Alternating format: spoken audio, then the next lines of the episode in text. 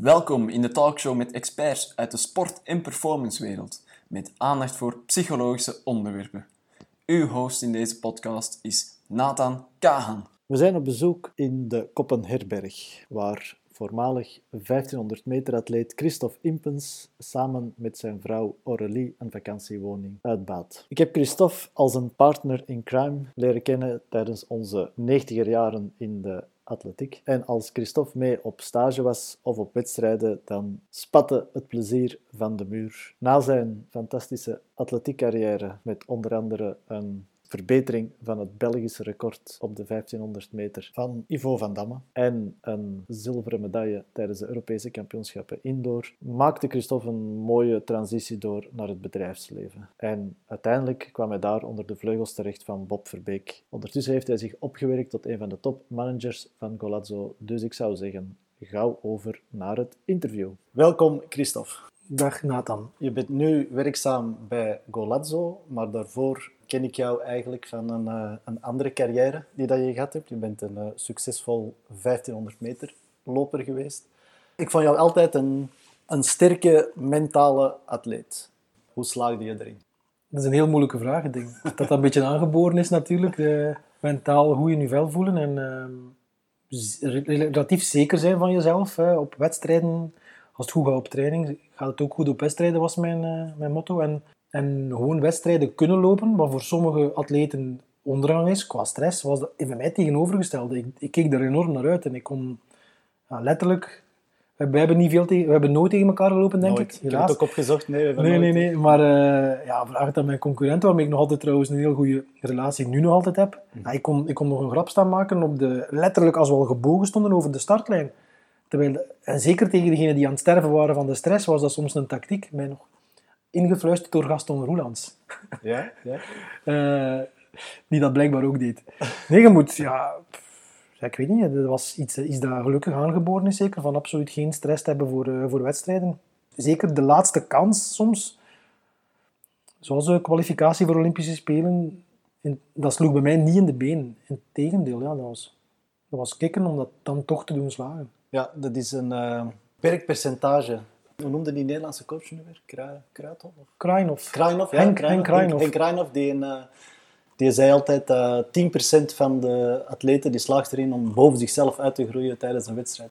Ja, ik, ik denk dat ik uh, meer uit mijn lichaam gehaald heb dan dat er eigenlijk in zat qua tijden dat ik gelopen heb. Hè. Ik denk dat ik ben een orthopedisch misbaksel met beenlengteverschil van 2,1 centimeter uh, zes stressfracturen gehad, noem maar op. Dus eigenlijk, eh, als je foto's ziet van mijn, van mijn echte kinderjaren, zie je vooral een manneke staan met een gigantisch beenlengteverschil en met x, x knieën. Dus ik, was, had zeker geen orthopedie om, uh, om een goede loper te worden. Maar ja, ik had vooral die drang om... Uh, dat record van Van Damme, dat moest eraan, sowieso. Mm -hmm. Dat was een drang die, die constant erin geleefd heeft. En, ja, en dan die kampioenschappen, dat was om naar uit te kijken. Hè. Maar ik heb er eigenlijk meer uitgehaald dan dat erin zat, denk ik. Gewoon omdat ik denk ik, dat is wel van, van u eigen te zeggen, dat ik wel mentaal sterk was. Ja, dat denk ik ook. Ja. Maar um, fysiek had ik eigenlijk een, een coach nodig, die, dat is achteraf gebleken, die mij eerder afremde dan uh, mij moest motiveren om te trainen. Dus ik had eigenlijk iemand nodig die zei van, ja, Christophe, opgelet. Ik weet dat je graag vijf keer duizend zou doen, maar we gaan het vandaag houden op drie keer duizend. En dan had ik een lange lip van, hé hey, kom aan, mm -hmm. ik wil meer. Dus dat was zo'n beetje de, mijn leefwereld toen. Je hebt dan ook op een bepaald moment de opmerkelijke keuze gemaakt om uh, met boxcoach Jeff van den Dries uh, samen te gaan werken. Ja. Um, hoe is die samenwerking tot stand gekomen? Ja, ik, heb, uh, ik ben eigenlijk begonnen vrij laat. Hè. Ik was, ik was tweede, het was het einde van het seizoen als tweedejaars scholier. Dus het was augustus toen ik voor de eerste keer spikes aangebonden had. En dat ik voor de eerste keer naar een atletiekclub ging. dat was dan nog voor speerwerpen nota bene. Want daar blijk ik helemaal geen talent voor te hebben. Net zoals voor balsporten, die niet aan mij besteed zijn. Dus mijn eerste, mijn eerste seizoen liep ik onmiddellijk tweede plaats op de Memorial van Damme voor de jeugd op de 1000 meter. Uh, allee, re relatief goede tijden. 2.29 op 1000, 9.03 op 3000 meter, maar zo out of the blue, zonder echt te trainen. En dan ben ik, heeft er iemand mij ontdekt, dat was Robert Brakke. Daar heb ik uh, heel lang, dat was bij Racing Gent, heel lang bij getraind. Maar ik stagneerde. Ik, ik bleef altijd zo rond die voor de kenners rond 3,38 hangen op 1500 meter. Ieder jaar constant. Ik denk dat ik het meeste aantal keren onder de 3,40 gelopen heb in België. Maar ik wou zo die, die een uitschieter dat heel, dat heel veel atleten hebben. Had ik niet. Het was altijd van, van de maand mei tot de maand september 3, 38, een keer 37, een keer 39, maar het was nooit zo...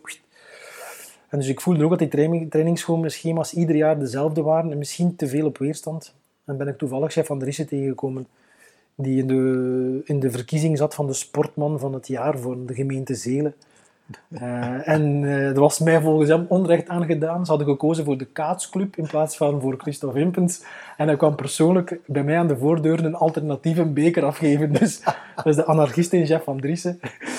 Uh, die zei van, allee, hoe kan dat nu iemand die hier uh, Belgisch kampioen is en halve finale gelopen heeft op een WK atletiek, moeder van alle sporten, dat hij door een kaatsclub wordt ingehaald. Ik zei, maar chef, ik heb er geen probleem mee. Maar jij duidelijk wel. En zo zijn we begonnen, beginnen praten over trainingsleer. En wat mij boeide die man is vooral dat hij, dat leek me een mentaal uh, heel interessante coach. En zo uh, zijn we eigenlijk beginnen samenwerken. Eerst nog in wisselwerking met Robert Brakke. Mm -hmm. Maar dat is dan stilletjes aan uitgedoofd. Wat ik wel jammer vond, want dat was een vaderfiguur voor mij. Dat ik het even moeilijk mee had om, om afscheid te nemen eigenlijk van een trainer. Waarbij dat je echt wel heel close bent als vaderfiguur. Maar dan is hij van Driessen full met een coach geworden. En dat, ja, dat waren ten eerste zalige trainingen. Dat was dat was zo relaxed, dat was grappen en grollen. Maar hij, hij had mij door. Hij wist dat ik veel te veel wou trainen. Dus hij zorgde ervoor dat... Zijn tactiek was altijd, kijk Christophe, je bent een kat. En je ziet daar de muis. En je wilt er nu al opspringen, maar het is woensdag. Je moet er zondag op springen. Je moet wachten, wachten, wachten tot als die muis je niet meer ziet. En dan, tja, moet erop springen. Dus dat was zo, verrassingstrainingen. We doen vandaag 10 keer 200. En in een bepaalde tijd, en dan wist ik al, ik, ik was mij toen al aan het, helemaal aan het opladen om die laatste niet in 26 te doen, maar in 24 te doen.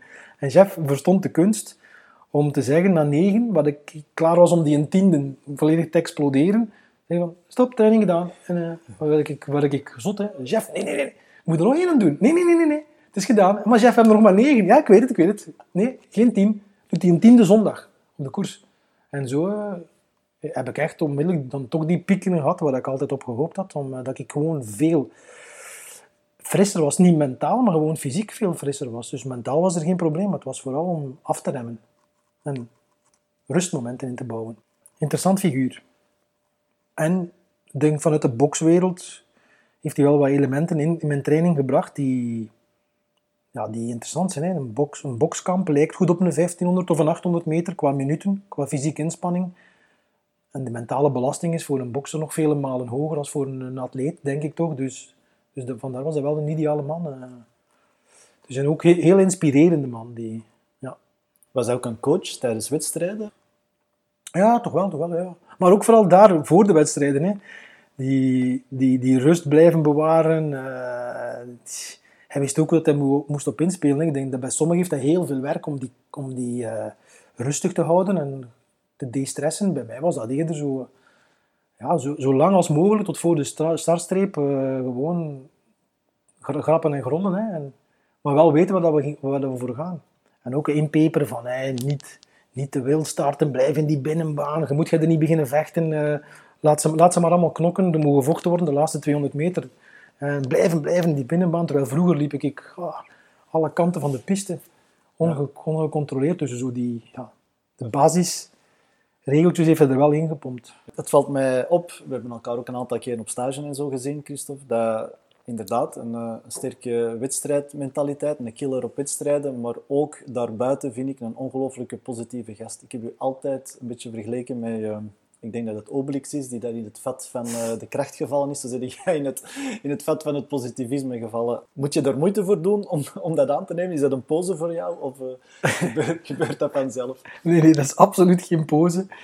Um, nee, ik ben gewoon van nature een positief en vrolijk iemand. Die, zelfs tijdens de saaiste meetings, professioneel, probeer ik daar toch nog altijd de vrolijke noot in te houden. Ja, soms is het echt stijve. Denk van, man, allez, zijn ook, zoeken ook gewoon allemaal mensen met een gewoon leven. Nee, ik ben altijd positief. En ik denk dat ik op jaarbasis maar een paar dagen heb dat ik echt zeg van... Nu gaat het een keer niet. Maar uh, daar ga ik ook heel rap over. Dus van, van nature uh, heel positief ingesteld. En nog altijd, ben nu, ik word 51. Nee, ik word 52. De tijd gaat snel. De tijd gaat snel. Eh, Positieve gast. dat is pas in december. Dan nog altijd die, die energie van, eh, van een toenmalige atleet, die heb ik nog, al, die heb ik nog altijd. En, eh, in alles wat ik doe. Dus. En hoe doe je dat dan? Hoe ga je dan om? Want af en toe is het leven toch een vijandig eh, iets eigenlijk. Zo, bedoel, er, er, er gebeurt toch van alles in het leven waar dat op dat optimisme zou een invloed kunnen hebben. Hoe, hoe, hoe doe je dat dan? Ja, tuurlijk. Het, is, het leven is niet altijd roze geur en maneschijn. En er zijn eh, dingen gebeurd in het leven bij mij, zoals bij iedereen, die, niet, eh, die natuurlijk hun sporen aan nalaten. De- ik denk maar bijvoorbeeld, om, om persoonlijk te worden, ik heb een zoon met een heel zware handicap, met een spierziekte. Ja goed, de dag dat ik dat verdikt kreeg, toen hij een jaar of drie was, dat je weet van ja, die gaat op termijn in een rolstoel belanden. En, en die levensverwachting is niet super hoog. Gelukkig nu, dankzij de nieuwe medicatie, is dat al verlengd tot 30, hopelijk 40 jaar. Maar zelfs zoiets, dat heeft niks te maken met relativeren. Het heeft gewoon te maken met, ja, met het realisme van, oké, het, het is zo. Je kunt er niks aan veranderen. Je kunt alleen maar zoeken naar de best mogelijke oplossingen om, eh, om, om hem en, en de omgeving in de meest ideale situatie te plaatsen. En zo. En je gaat gaan slapen en je, je weet van, ja oké, eh, op een of andere manier zal dit ook wel goed komen of op zijn pootjes komen. Goed komen is veel gezegd. Dat is zo, het is moeilijk, moeilijk te omschrijven, maar vaak gaan slapen in de wetenschap van ehm, alles, alles komt wel tot een oplossing. Dat heb ik eigenlijk meegekregen van mijn grootvaders. Die zat er ook zo, die hebben dat ook nog letterlijk gezegd. Van, en ik ben, dat is zo'n filosofie waarmee dat ik ga gaan slapen en ga opstaan. Ja. Komt altijd alles goed? Waarschijnlijk niet, hè? maar, maar je probeert het toch zelf een beetje te sturen en ook op het vertrouwen dat het, eh, dat het niet helpt met te zitten piekeren en kniezen en depressief worden. Maar nogmaals, ik blijf erbij, dat is waarschijnlijk iets dat je genetisch meegekregen hebt. Hè. Alles somber zien en af en toe kampen met een depressie, dat is iets dat, dat u niet... eh, dat is buiten uw wil, omdat mensen waarschijnlijk hebben aangeboren. En ik heb dat niet. Ja, Het lijkt me dan toch ook dat je je niet door je emoties laat overweldigen. ja tuurlijk. Nee, maar ik denk dat gewoon... Ik denk als ik mijn eigen kan omschrijven, is vooral positief iemand die toch altijd probeert alles vrolijk te bekijken, zonder het belachelijk te bekijken. Maar, en realistisch, maar ja, tuurlijk ben ik niet iedere minuut van de dag zo. Hè. Ik ben, eh, de meeste minuten van de dag ben ik een heel ernstig en toegewijd iemand die met zijn job bezig is. Mijn job, die mijn passie is trouwens, dat helpt ook natuurlijk. Dus ik wil niet van een hak op een tak springen, maar het helpt natuurlijk als je als je hobby als jonge gast goed gelukt is, dat je toch relatief tevreden kunt naar terugkijken. En als je dan nog een keer later in, je, in het professionele leven dan ook nog een keer je, je job, je passie wordt en het nooit aanvoelt als een job, vijf, keer per jaar, ik maar zeggen. En er is natuurlijk veel stress, je hebt veel verantwoordelijkheden, maar als het je passie is, ik denk dat dat gewoon anders aanvoelt. Ik zou eigenlijk nog een keer moeten weten hoe het zou zijn om mij in een traditioneel bedrijf, in een traditionele functie te stoppen. Misschien zal ik mij dan ook aan, totaal anders gedragen. Dat weet ik niet, maar nu ja, ik ben met mijn gat in de boter gevallen, eh, ook professioneel. Dat is niet toevallig, denk ik. Ik denk niet dat je toevallig eh, bent terechtgekomen waar je nu terechtgekomen bent. En, en daarop zou ik dan de volgende vraag willen stellen. hoe, hoe heb je het aangepakt om na die succesvolle topsportcarrière over te schakelen op toch ook wel een succesvolle businesscarrière? Zoals ik mijn sport heb aangepakt destijds. Ehm, er iedere dag voor gaan. Met de theorie van Jeff van Dries in het achterhoofd. Van er niet elke dag voor te gaan alsof elke dag een competitie is. Alhoewel dat het eigenlijk nu in het professionele leven erger is dan in de atletiek. hè. Dus iedere dag is wel degelijk een competitie. Omdat je... Hey, ik werk voor een, eh, voor een NV. Dus dat is een bedrijf die moet... Die, die heeft heel veel personeel. Die, die, moet, die moet uiteraard winst maken. Anders heb je geen bestaansrecht. Dan ben je, besta je volgend jaar niet meer. Zo simpel is het. Is zoals een atleet die minima moet lopen om te, zich te kunnen kwalificeren. Is dat bij, in, een, in een NV is dat ook zo. Hè? Je moet je ook ieder jaar tussen aanhalingstekens kwalificeren of je bestaat niet meer. Dus, van, dus die druk is te vergelijken. Natuurlijk is die nu veel hoger, omdat veel meer verantwoordelijkheid. Als atleet ben je verantwoordelijkheid, verantwoordelijk voor jezelf. Punt. En als je niet presteert, dan denk je zelf dat heel de wereld er wakker van ligt, maar eigenlijk ligt niemand er wakker van.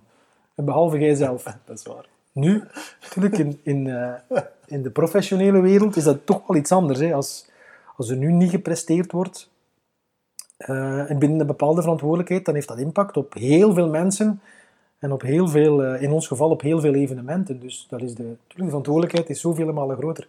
Maar je bekijkt het wel hetzelfde. Alleen als atleet zit je soms bevoorrecht Dat, eh, dat je denkt dat de wereld rond u draait, maar dat is niet zo. Dat ontdek je dan later. Ja. De gedrevenheid die dat je had als atleet, kan je die dan gewoon toepassen op het bedrijfsleven? Of is dat toch, heeft dat toch enkele variaties nodig? Heeft dat toch enkele wijzigingen nodig? Tuurlijk heeft dat wijzigingen nodig.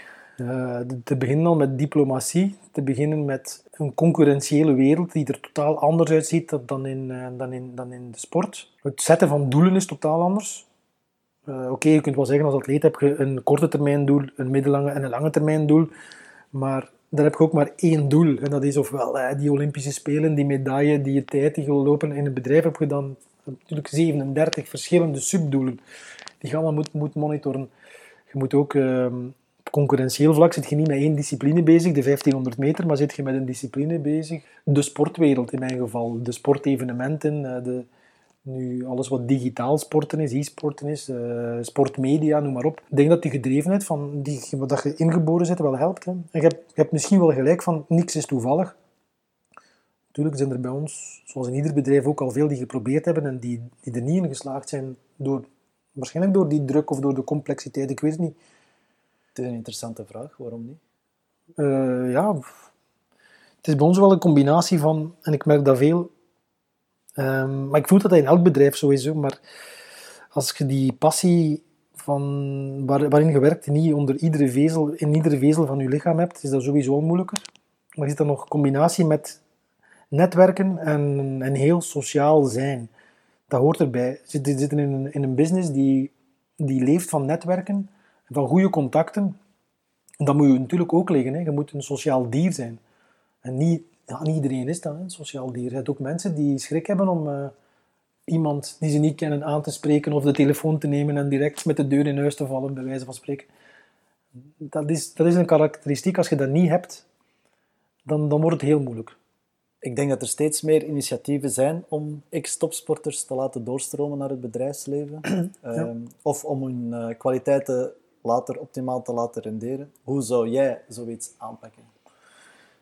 Goh, bij, bij Golazzo, eh, waar ik werk, ehm, hebben wij eigenlijk redelijk veel ex-topsporters ehm, rondlopen. En we hebben, die niet, we hebben die niet allemaal binnengetrokken. Dus dat was een initiatief van, van onze oprichter, Bob Verbeek. Zelf trouwens een meer dan verdienstelijk loper, want hij heeft een kleurtje beter als ik ooit gehaald op de 3000 goud. meter indoor goud. Ik maar zilver. Ja. Dus dat wordt er, ja, ook dat is een onderlinge strijd. Ehm, en hij is rapper op 5000, maar ik ben rapper op 1500. Dus oké, evenwicht. En ik heb een record van hem afgepakt op de mail, dus het evenwicht is behouden. Maar, eh, bedoel, maar hij heeft dat al heel rap doorgehad. Dat natuurlijk binnen de sportwereld dat het interessant is om je te omringen ook door ex-sporters die de nodige capaciteiten hebben. En daar zijn we toch wel in geslaagd met... Ik kan een beetje name-dropping doen, maar Evi van, Evi van Akker werkt voor ons bijvoorbeeld. Ehm, zit eerder in het corporate well-being gebeuren. Doet, doet dat heel goed, kan inspirerend spreken. Sven Nijs werkt voor ons. Eh Sven Nijs heeft zich ontpopt van de jonge cyclocrosser die amper een, een deftig woord kon uitbraken, tot nu iemand die, die keynotes geeft, die heel inspirerend spreekt en eh, die, die co-commentator is geworden. Cedric van Brantegem, collega die door het toeval uit de bedrijfswereld, eh, of laat ik zeggen uit de IT-sector, gestapt is en naar ons gekomen is, die nu meeting director is van de Memorial, maar die, en die ook soms inspirerende keynotes nog heeft. Eh, Mark Korstjens, een ex-concurrent van mij, die onze atletenvertegenwoordiging doet en dat heel goed doet, die ook die affiniteit heeft met Kenia en te werken met Afrikaanse atleten. Die Ellebout heeft een tijdje voor ons gewerkt. Eh, Erwin Vervekken, drievoudig wereldkampioen cyclocross, eh, is, werkt voor ons als coördinator van al onze cyclocrossen, sporttechnisch, maar doet ook, en dat weet niemand, twee grote wereldwijde projecten voor de UCI, in opdracht van Golazzo, UCI Gran Fondo Series, Gravel Series, waar heel veel punctueel werk bij komt kijken. Dus Erwin is van opleiding boekhouder, en Erwin is natuurlijk gekend als toprenner, eh, topcyclocrosser. Dus die combinatie van een boekhouder die super punctueel is en die alles ziet, en dan die expertise van, die, van dat veldrijden, dat maakt van hem ook terug weer als een ideale collega. En zo hebben we er Ja. verschillende. Maar jullie hebben geen programma lopen om die atleten... Ah, nee. Nee, nee, nee. Het moet ook wel van hen zelf komen om zich erin te, Ja, in te wringen. laten we zeggen, wij hebben, een, wij hebben wel een denkbeeldig lijstje. Dat lijstje bestaat niet echt, maar van ex-topsporters die eventueel bij ons zouden passen bij het TNA van onze firma. Ja. Er, zijn, er gaan er ongetwijfeld ook bij zijn die er helemaal niet bij passen.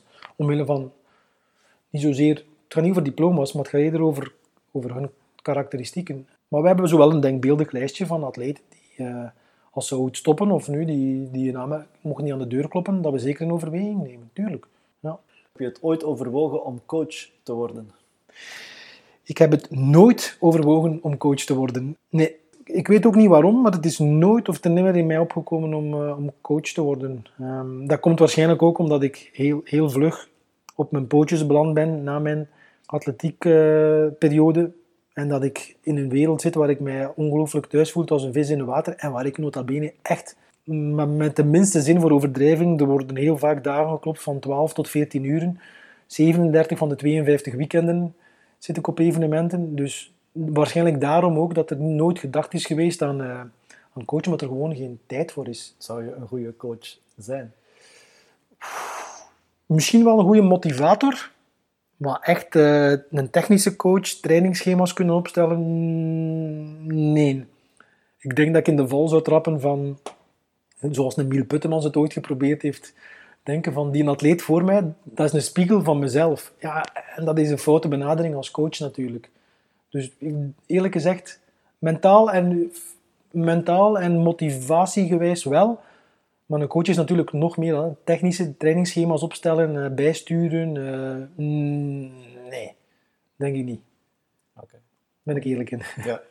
Een ander initiatief van jou, samen met je vrouw, ja. vriendin, vrouw, samen met je vrouw, is Koppenherberg. Uh, had je nog tijd te veel? hadden wij nog tijd te veel. Nee, ik denk zowel mijn vrouw Aurélie als ik zelf hadden helemaal geen tijd te veel. Maar ja, op een of andere manier was dat een wilde droom van ons om een vakantiewoning uit te baten. Bij toeval hebben we, dit, hebben de, de, de Koppenherberg ontdekt in volle Vlaamse Ardennen met een prachtige ligging. Het huis staat letterlijk in een postkaart met zicht op de Koppenberg, de Kwaremond, de Paterberg, noem maar op. De koers passeert hier ook. Het ademt hier koersen, wandelen, mountainbiken. Goed, we zagen dat huis staan, we waren er onmiddellijk verliefd op. We hebben, over, we hebben dat impulsief gekocht. Maar onmiddellijk al met een plan van, we gaan hier een heel mooie vakantiewoning bouwen. Erkend door Toerisme Vlaanderen ondertussen. Het is een investering in de toekomst, maar het is vooral ook iets dat we met heel veel passie doen. Want we zijn ook heel zorgvuldig geweest in, het, in de renovatie. En we zijn ook heel, zorgvuldig in de mensen die het huren.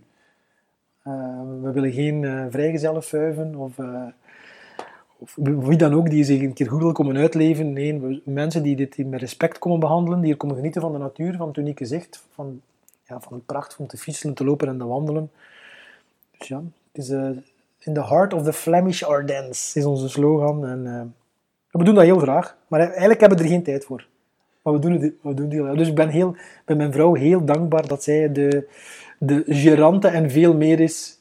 De gerante, de marketingmanager, de commerciële manager, de technische manager is van de Koppenherberg. En is het het begin van een imperium of gaat het hierbij, of gaat het hierbij blijven? Zit er een groter plan achter? Of? Eh? Ik denk, Nathan, dat je mijn uh, financiële capaciteiten aan het overschatten bent nu. Nee, nee, nee. Het is een, uh, het is een impulsieve beslissing geworden waar ik nog altijd geen spijt van heb. Maar het is niet het begin van een imperium. Nee, nee, nee, nee. Zeker niet. Heb je nog een laatste advies dat je onze luisteraars zou willen meegeven? Vooral jezelf niet onderschatten. Hè. Uh, probeer de stress zoveel zo weinig mogelijk te hebben en probeer toe te werken naar een doel. Ook al, ook al kan het lang duren, jaren duren voordat je dat doel bereikt. Maar gebruik die bagage sowieso later, in het later leven. Want atletiek, uh, judo, boksen, kajak, roeien, voetbal, wielrennen, wat je ook doet, er komt een dag dat het stopt. En die dag, dat is heel, die is heel abrupt. Die dag scheidt je volledig uit de schijnwerpers, direct. Alleen slimme, zoals een Sven zorgt ervoor dat hij een heel lange nacarrière heeft en er waarschijnlijk nog heel lang gaat kunnen opteren. Dus ik zou zeggen, neem het voorbeeld aan een paar van die uh, absolute toppers die een hele schone nacarrière opgebouwd hebben, maar die hebben het ook allemaal zelf moeten doen. Dat, komt niet... Dus geloof nooit dat het zomaar in de schoot komt geworpen. En, uh, maar ik denk als je de filosofie van topsporter, sporter toekoor, kunt je altijd gebruiken in het, uh, in het later leven. Dank u wel voor dit bijzonder boeiende interview. Graag gedaan.